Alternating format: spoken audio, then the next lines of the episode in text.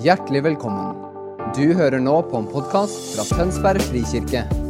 Talen er tatt opp på vår gudstjeneste søndag på Brygga i Tønsberg.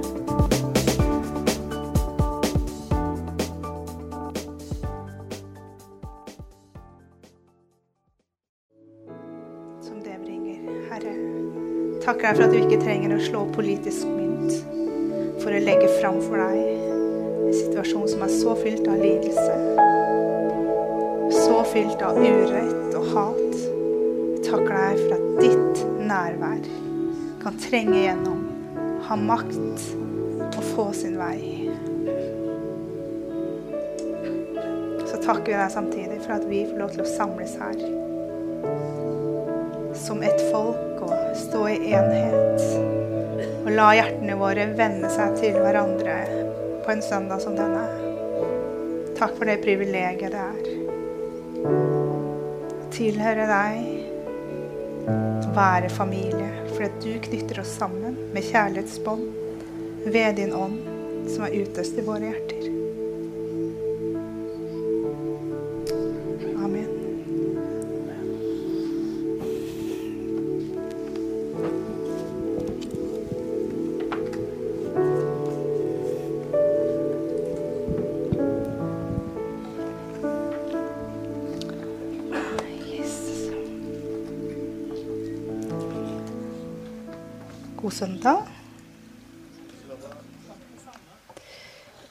Vi se her om vi får det her til å virke. Det er jo alltid spennende.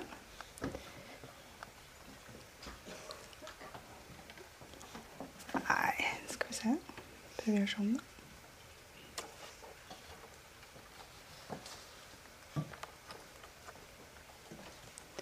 Dere kan jo heller finne på litt sånn der, passende sånn småprat mens jeg holder på her. Kanskje det går bedre? Nei. Nei. Ja.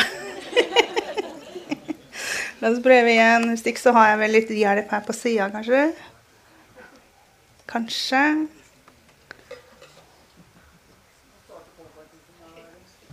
Skal vi se. Da prøver vi igjen. Ha-ha. Funka. Yes. OK. Vi holder jo på med kulturene våre. Det har vi holdt på med en stund den høsten her. Uh, vi har snakka om Guds ord og Guds nærvær, og så har vi snakker vi om tilbedelse, godhet og hederskultur. Og i dag så har vi begynt på det som handler om uh, en innkultur, eller en del av vår, vårt fokus. Og det er jo et spennende tema. Um, og inn-kultur, hva handler den om? Jo, det handler om fellesskap. Det handler om oss som troende. Og det handler om at vi får lov til å eh, stå samla eh, som et folk. Fordi at vi har fått lov til å bli utvalgt. Det står at eh, dere har ikke utvalgt meg, sier Jesus, men jeg har utvalgt dere til å bære mye frukt. Så det er inn-perspektivet som jeg skal få lov til å løfte opp i dag. Og temaet som jeg har fått tildelt, er rett og slett nådens fellesskap.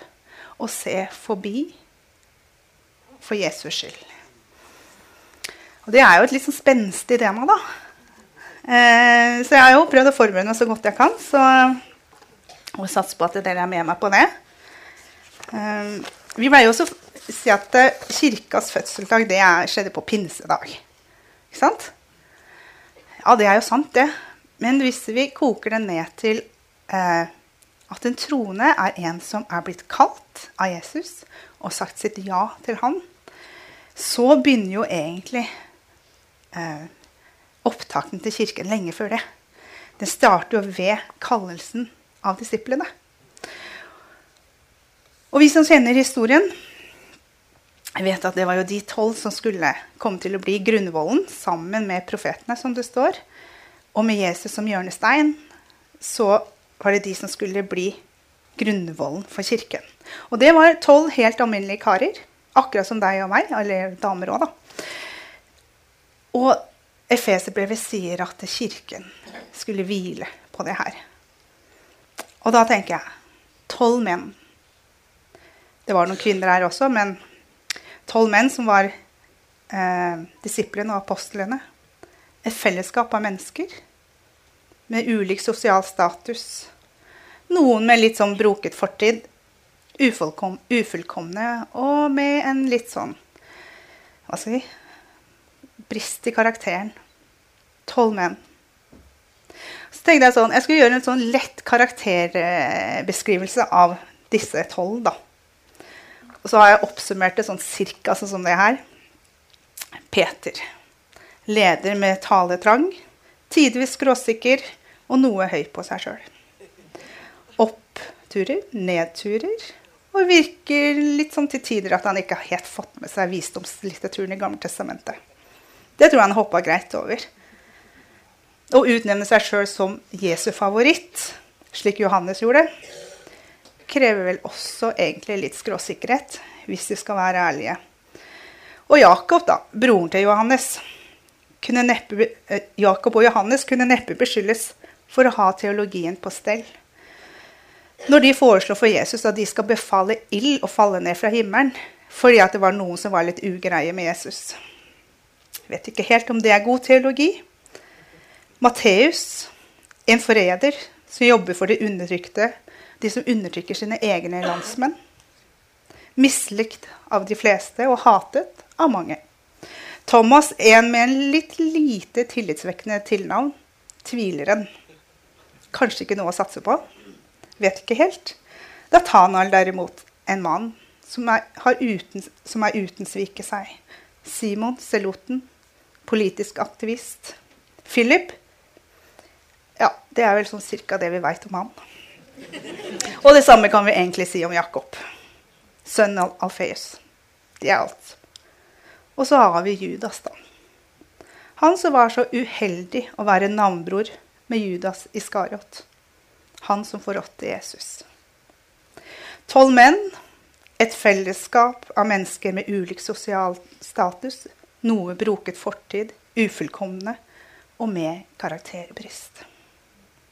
Disse tolv Kanskje ikke så mye alene, hver for seg, men noe helt spesielt når de er sammen. Så tenker jeg sånn, Det er vel litt sånn som dere som for meg, som kan godt kjenne oss igjen i noen av disse karakterene, eller noen av disse karaktertrekkene. Jeg vet ikke hvem du eh, identifiserer deg med eller kjenner deg mest igjen i. Jeg tror, Hvis jeg skal være ærlig, så tror jeg kanskje det er Peter jeg kan kjenne meg mest igjen i. Ehm, men eh, vi kan, den, vi kan, la den, henge der, egentlig. Men hvis vi skal være ærlige, så er det vel noe av disse karaktertrekkene i disiplene som vi også gjenkjenner i oss selv, eller kanskje mest av alt i andre. Det vet jeg ikke helt. Men så er det sånn, da. Jeg har jo lest evangeliet, det har jo sikkert dere også gjort. evangeliene, Og så slår det meg egentlig litt. Det er jo mye som ikke står i selve teksten. Ikke sant? Vi får vite navnet, og så får, får vi litt sånn, eh, litt sånn, beskrivelse av hva de gjør, og hvem de er, litt sånn innimellom. Men mye må vi liksom fargelegge litt selv. Og jeg har gått og tenkt på det når det gjaldt det temaet her. Hvordan var fellesskapet disiplene hadde? Hvordan var, var det å være det fellesskapet når ting var på høyden. Du var sammen med mesteren, du, du hadde oppdraget, og ting funka. Du ba for syke, og du ble helbreda. Du, du drev ut demoner, og de fløy, og ikke sant? Det var liksom god stemning. Tenk, ok, Hvordan var fellesskapet da? Jo, tenker at det var ganske greit. det.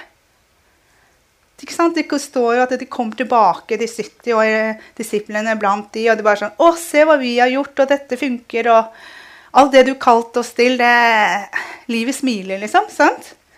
Veldig greit å være fellesskap da, er det ikke det? Akkurat som oss, veldig greit å være fellesskap nå, liksom. Det er ikke så mye å bryne seg på. Det er liksom Ja, det går ganske greit. Og så tenker jeg sånn Hvordan var da fellesskapet når det ikke var så greit? Når de driver og kiver og krangler om hvem som er den største, og hvem som skal få sitte ved Faderens høyre hånd, og hvem er det som skal ikke sant? Hvem er best, og hvem er størst? Og, ja, det er vel noe menneskelig i akkurat det, da. Det er det menneskelige i oss også. Så tenker jeg det at eh, det fellesskapet av disipler Det måtte ha et før og et etter korsfestelsen. Før så var de sammen med mesteren. Etter så forlot han dem, ga de Den hellige ånd og lot de få lov til å løpe med oppdraget sjøl. Og så er det vel sånn som sies eh, Når det virkelig gjaldt, så var det vel ingen som sto til eksamen. For de var en gjeng, tolv menn, et fellesskap med mennesker med ulik sosial status, med noe broket fortid, full, ufullkomne og med karakterbrist. Men midt i det hele så var de et fellesskap som hadde blitt merka av Jesus når han sier at eh, dere har ikke utvalgt meg, men jeg har utvalgt dere. Akkurat som oss. Og Hvis vi går tilbake til det med, den, det med hvordan det er å være fellesskap når det røyner på Og Vi har en sånn tendens til å liksom legge all skylda på Judas Iskariot. Har du lagt merke til han som forrådte Jesus? Det står det svart på hvitt. Han er jo syndebukken. Det er lett å være enig om det. Men hvis du leser nøye, så var det ingen som sto til eksamen.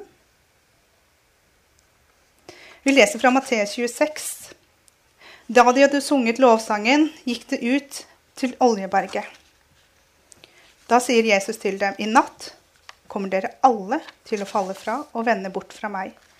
For det står skrevet, jeg skal slå gjeteren, og sauene skal bli spredt. Men etter at jeg har stått opp, skal jeg gå i forveien for dere til Galilea. Peter tok til orde og sa, om så alle vender seg bort fra deg, kommer jeg aldri til å gjøre det. Jesus svarte, sannelig, jeg sier deg, i natt før hanen galer skal du fornekte meg tre ganger. Men Peter sa, om jeg så må dø med deg, vil jeg ikke fornekte deg. Og det samme sa, det samme sa også alle de andre disiplene.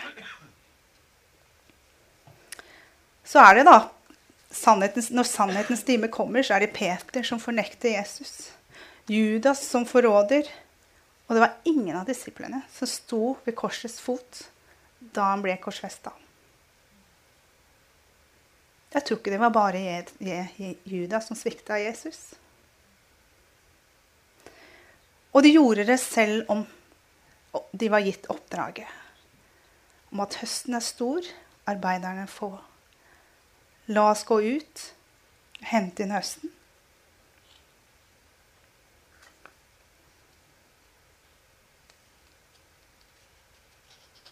Tolv menn, et fellesskap av mennesker med ulik sosial status, noe broket fortid, ufullkomne og med karakterbrist. Fremdeles kaldt, fremdeles sagt ja til mesteren. Dere har ikke utvalgt meg, men jeg har utvalgt dere. Har du, jeg har prøvd å eh, tenke litt på det med nådens fellesskap. Hvordan ser det ut? Hvordan så det ut for de, og hvordan ser det ut for oss? Og Det kan se ganske forskjellig ut, men jeg tror det er noen fellestrekk. Men nådens fellesskap er jo nettopp nådens fellesskap. Så tenkte jeg nådens fellesskap i denne situasjonen hvor de alle sammen er svikta. Var det sånn at den var litt avmålt, stemninga var avmålt? Kanskje var fellesskapet prega mer av en sånn type blame game, hvor man peker fingeren Mye lettere å peke fingeren på det alle de andre enn å se innover i seg sjøl. Mye lettere at kanskje Hvordan var det egentlig det der? Var det splinten i mitt eget øye, eller var det Hvordan var egentlig det der? Eller var det tomme, tømmerstokken i min brors? Var det sånn? Men kanskje var det nettopp ikke sånn. Ikke sant? Det er lettere å peke finger utover enn å se innover og ta ansvar for sine egne valg og sin egen tilkortkommenhet. Men kanskje var fellesskapet nettopp den ærligheten og sårbarheten, og at de fortsatte, fortsatte å velge hverandre til tross og ikke på grunn av. At det ble et nådens fellesskap. Og hvis vi blar om til andre akt, hvis vi skal kalle det, til apostlenes gjerninger, så ser vi en helt annen flokk. En samling av disipler. Så jeg har tenkt, hvordan ser nådens fellesskap ut, og hva handler det om?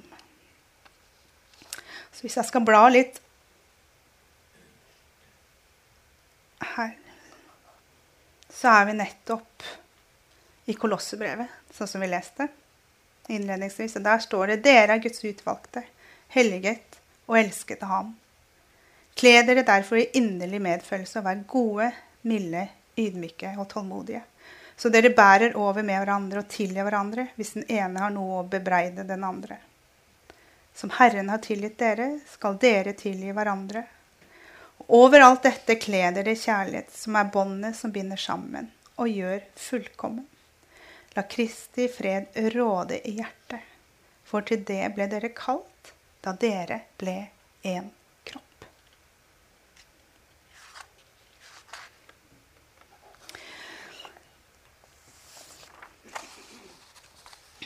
Og så handler det om fellesskapet med disse tolv, og fellesskapet med oss. Et broket, eh, en broket gjeng. Tolv stykker, ufullkomne, med karakterbrist. Akkurat som deg og meg. Og hva er det som egentlig gjør at noen ganger dette fellesskapet kan bli så vanskelig? Og så utfordrende? Og det er jo utfordrende bare å snakke om og begynne å sette ord på. Hva er det som vi blir bryna på? Hva er det vi, hva er det, hvordan møter vi hverandre når vi opplever at den andre kanskje har litt spisse kanter? Eller, ikke sant? Er dere med meg? Mm. Hvordan, hva er det som skjer da? Jo, det er det Bibelen kaller for synd. Og jeg skal pakke ut det litt. Å snakke om synd har liksom ofte blitt en litt sånn der, tung greie. Ikke sant? Skyld er liksom, nei, synd er liksom lik skyld, har vi gjort. Og synd og skyld og skam Vi har liksom gjort en sånn derre De tre er liksom står på like fot. Eller bli med meg litt, litt i den, den tematikken her.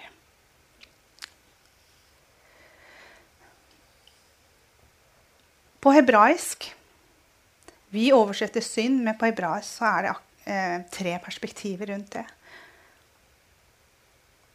Og de hebraiske ordene er chata, pesha og avon. Kan dere gjenta det sammen? Chata, pesha, avon. Ja. Godt. Da ser jeg at dere er våkne. Veldig fint. Og disse tingene her handler om nettopp det. Å bomme på målet. Bryte tillit. Og ha en krokete eller nedbøyd eh, oppførsel eller handlingsmåter. Ok? La meg forklare litt av det. Bomme på målet. Hva handler det dypest sett om? Jo, Bibelen, sånn som den bibelske forståelsen av det, handler om at jeg mister fokus på å behandle min neste ut ifra en dyp erkjennelse av hans eller hennes verdi fordi min neste er skapt i Guds bilde. Den personen er elska med en evig kjærlighet. Og jeg er ment til å elske vedkommende i den samme kjærligheten. Det er liksom grensesprengende. Jeg må, må hva skal jeg si, bekjenne at uh, jeg er ikke der. Um, kanskje jeg kommer dit en dag. Uh, ikke på denne siden av døden, men en dag så kommer jeg dit. Og når jeg krenker min neste på en eller annen måte, så handler jeg til fordel for meg sjøl og på, på, bekostning til andre, og derfor bommer jeg på målet. Det er det samme som kata, som synd i Bibels forstand. Og så har du det andre ordet, pesha. Det handler om tillit, og tillit som blir brutt, enten i forhold til Gud eller til mennesker. Et godt eksempel, eller enkelt eksempel på det er f.eks. hvis jeg stjeler. Du har en tillit til at jeg ikke tar dine ting. Hvis jeg går og tar dine ting, eh, Kine, så gjør jeg persja mot deg. Jeg bryter en tillit. Det ødelegger relasjonen. Og vi eh, eh, Vi har en, eh, en, en, eh, en brutt relasjon, en brutt tillit til hverandre. Og så har vi avon. Det handler om valg og samvittighet i ubalanse. Det handler om skyld og skam. Har dere sett en person som bærer på mye skam og skyld? Hvordan, hvordan eh, er kroppsholdninga til den personen? Den er litt sånn her. Blikket er gjerne litt ned. Skuldrene er gjerne litt sånn fram. Ikke sant? Veldig synlig hvordan vedkommende har det på innsida. Og sånn er det vi noen ganger møter hverandre i fellesskap. Og mange ganger møter vi oss hverandre i det fellesskapet på den måten. Og nådens fellesskap, og dette er viktig at dere får med dere Nådens fellesskap står opp for synden. Nådens fellesskap er et botemiddel for nettopp det å bomme på målet, å bryte tillit og det er å fordele skam og skyld. Så synd er noe mye mer i Bibels forstand. Og det å tilgi, da, blir jo også mye mer enn det vi kanskje forbinder med tilgivelse i forhold til synd.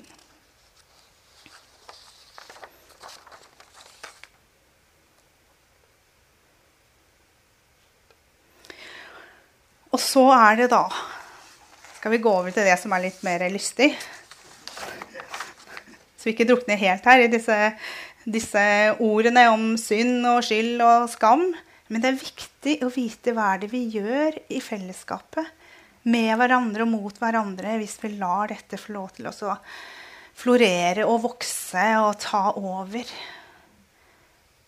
Så må vi huske hva er botemiddelet jo, det henter vi fra Johannes 15.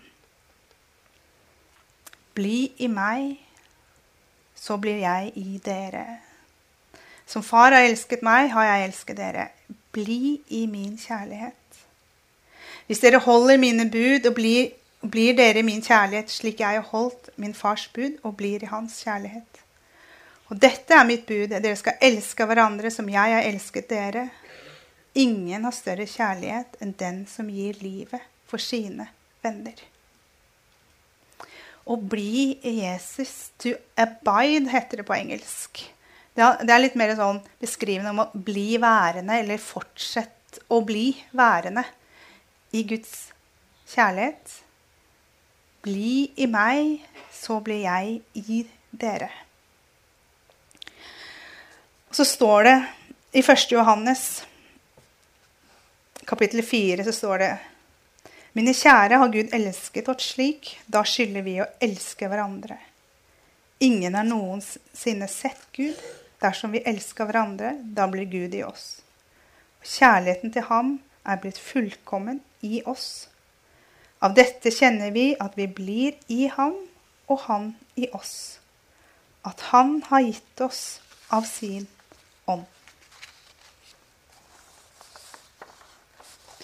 Da blir det jo litt sånn, da, at det å bli i Han for den andres skyld, for å ha et nådens fellesskap og se forbi for Jesus skyld, kan kanskje eh, oppsummeres i fire ord. Tilgi, løfte opp og se forbi for Jesus skyld. Eller elske, tilgi løfte opp og se forbi for Jesus skyld. Skal vi gjenta det sammen? Elske, tilgi, løfte opp og se forbi for Jesu skyld. Og Det er det jeg tenker nå skal gå inn mot en avslutning. Og det er det jeg tenker som er så fantastisk. Fordi at eh, vi er kalt. Vi har sagt vårt ja til Jesus. Og vi har sagt vårt ja til fellesskapet, til kirken. Sånn at det er han som bor i oss, og vi som blir værende i han, kan få lov til å være et nådens fellesskap. Hvor det er godt å være, hvor man blir møtt og sett. Og det er jo, når man hører det, så blir man jo kanskje litt sånn svett. For det er jo voldsom, en voldsom standard. Og hvis, hvis, jeg hadde vært Gud, eller hva skal jeg si, bare i meg sjøl, så hadde jeg i hvert fall ikke satt den standarden. Jeg ville kanskje satt en standard som var litt sånn lettere å, å oppnå. fordi at da får jeg liksom en type mestring. ikke sant? Da kan jeg bli litt sånn OK, dette fikser jeg. Men greia er det at det er jo ingen av oss som fikser det. Akkurat som disiplene. Og det er derfor vi sjøl kan først få lov til å komme til Jesus. Innenfor nådens trone, står det. Vi kan alle sammen komme inn for nådens trone og få lov til å motta for å gi. Motta hans nærvær, motta liv, motta tilgivelse, motta nåde, så vi kan gi, så vi kan elske, så vi kan tilgi, så vi kan vise nåde. Og i alt det Bibelen snakker om at det er Guds kjærlighet som binder oss sammen. Og når det er Guds kjærlighet som binder oss sammen, så skjønner vi at det, det ikke er i vår egen kraft. Det er ikke vår egen um, Altså vår treffelighet. Eh, fordi vi alle har kommet til kort, akkurat som disiplene. Så står det faktisk det at vi kan med frimodighet tre inn for nådens trone. Har dere lest det? Okay, når man går inn for nådens trone med frimodighet, da går man ikke krokbøyd med øynene ned eller med blikket ned. Da kommer man med frimodighet. Det handler om å komme med ærlighet og sårbarhet. Og det kreves mot. Det kreves mot mange ganger å komme inn for Gud med hele seg. Og det krever mot mange ganger å komme hverandre i møte. Midt i dette fellesskapet som vi er litt usikre på noen ganger. Om tar imot meg på den måten jeg håper. Men ved Guds hjelp, med Den hellige ånd i oss, når vi har mottatt først fra Gud, som vi kan gi til, til min neste, til en søster, til en bror, så smaker det himmel. Jesus sa eh, Guds rike er kommet nær. Omvend dere, for Guds rike er kommet nær. La dere merke til at det var før han gjort noen ting som helst. Ingen mirakler var gjort. Ingen helbredelser var gjort. Ikke har han reist opp noen fra de døde. Men det første han gjør, er å kalle disiplene. Fordi han visste at når man skulle gå ut og invitere folk inn i Guds rike, ja, da må man ha et fellesskap, et nådens fellesskap, å komme til. Det er en sayings på engelsk som sier 'No man is an island'. Og i vår kultur hvor det er så mye individualisme, hvor det er så mye fokus på meg selv og hva jeg skal gjøre, så har vi mista noe av den forpliktelsen. Hva er jeg for min neste? Hva er jeg for min bror og søster? Og hvem kan jeg være for en som trenger et nådens fellesskap? Og det er det jeg håper at vi kan være, da dette annerledesfolket. Ikke fordi at vi hver og en er kjempespesielle, men fordi vi sammen, som har kalt og sagt vårt ja til Jesus, kan få lov til å trå inn for nådens trone og motta og gi. Sondre, dere kan et eller annet sted der komme opp.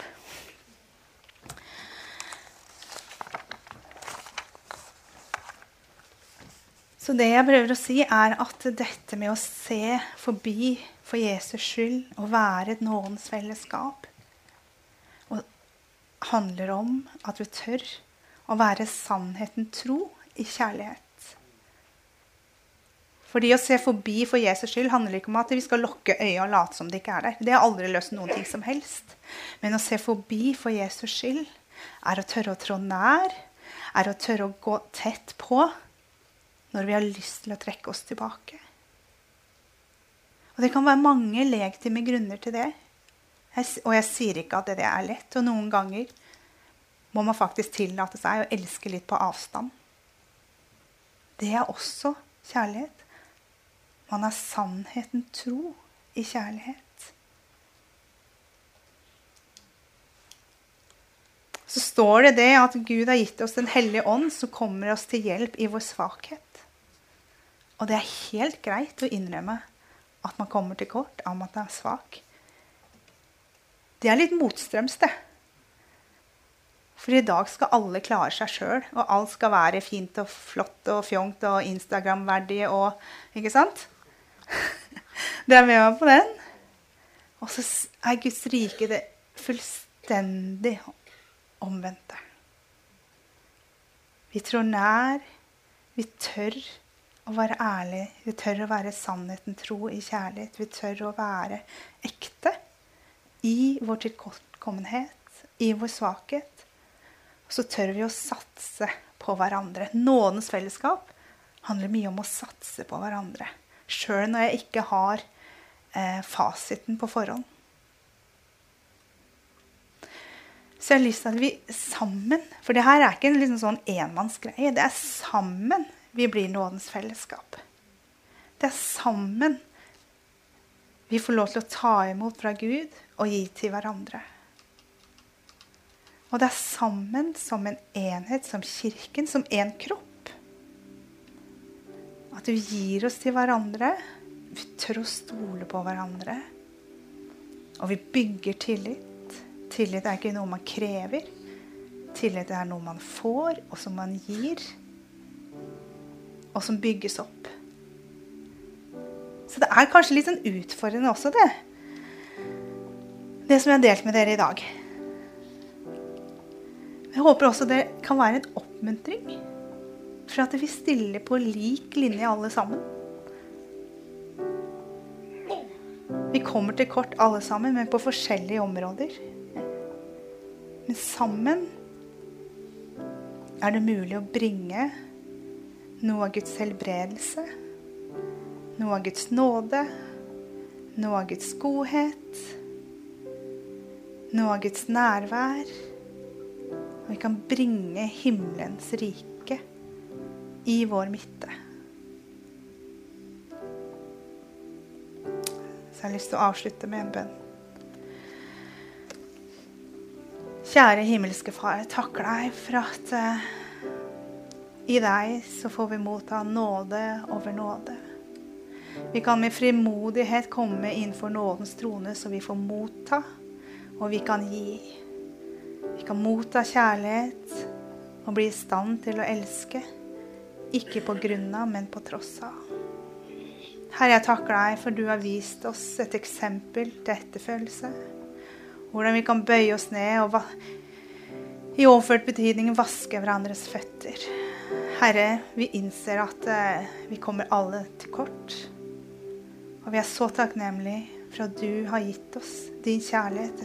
At du har utøst den i hjertene våre. Så at du gir oss kraft, og du gir oss mot til å være et nådens fellesskap. Midt i en verden som kanskje fremmer noe helt annet. Midt i en verden som setter individualisme før fellesskap. Og hensyn til den ene før hensynet til de alle. Takk, Jesus for at du gir oss nåde. Herre, jeg ber om at du gir oss nåde til å være et fellesskap som står opp for synd og skyld og skam. Som bringer oppreisning, helbredelse i kropp, sjel og ånd. Å være et fellesskap hvor din kjærlighet får lov til å flyte. Hjelp oss, Jesus. Forbarm deg over oss. Vis oss hva kjærlighet ser ut som.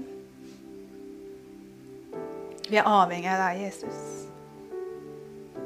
Vi er avhengig av din ånd. Vi er avhengig av din kjærlighet. Til å leve et, ut et nådens fellesskap og se forbi for din skyld. Herre, jeg ber om at de ukene som kommer, at vi skal få helt konkrete erfaringer av dette. At det kan være et vitnesbyrd til din ære om hvordan du beveger deg blant oss. Herre, kom med helbredelse for hjerter som er såra og brutt av ulike ting, Herre. Kom med din godhet. La oss erfare hvordan du etterjager oss med din kjærlighet. Herre, la det bli et vitnesbyrd om at Guds rike, ditt rike, har kommet nær og er midt iblant oss. Så får vi lov til å se og erfare, sånn at vi kan gi deg ære. I Jesu navn. Amen.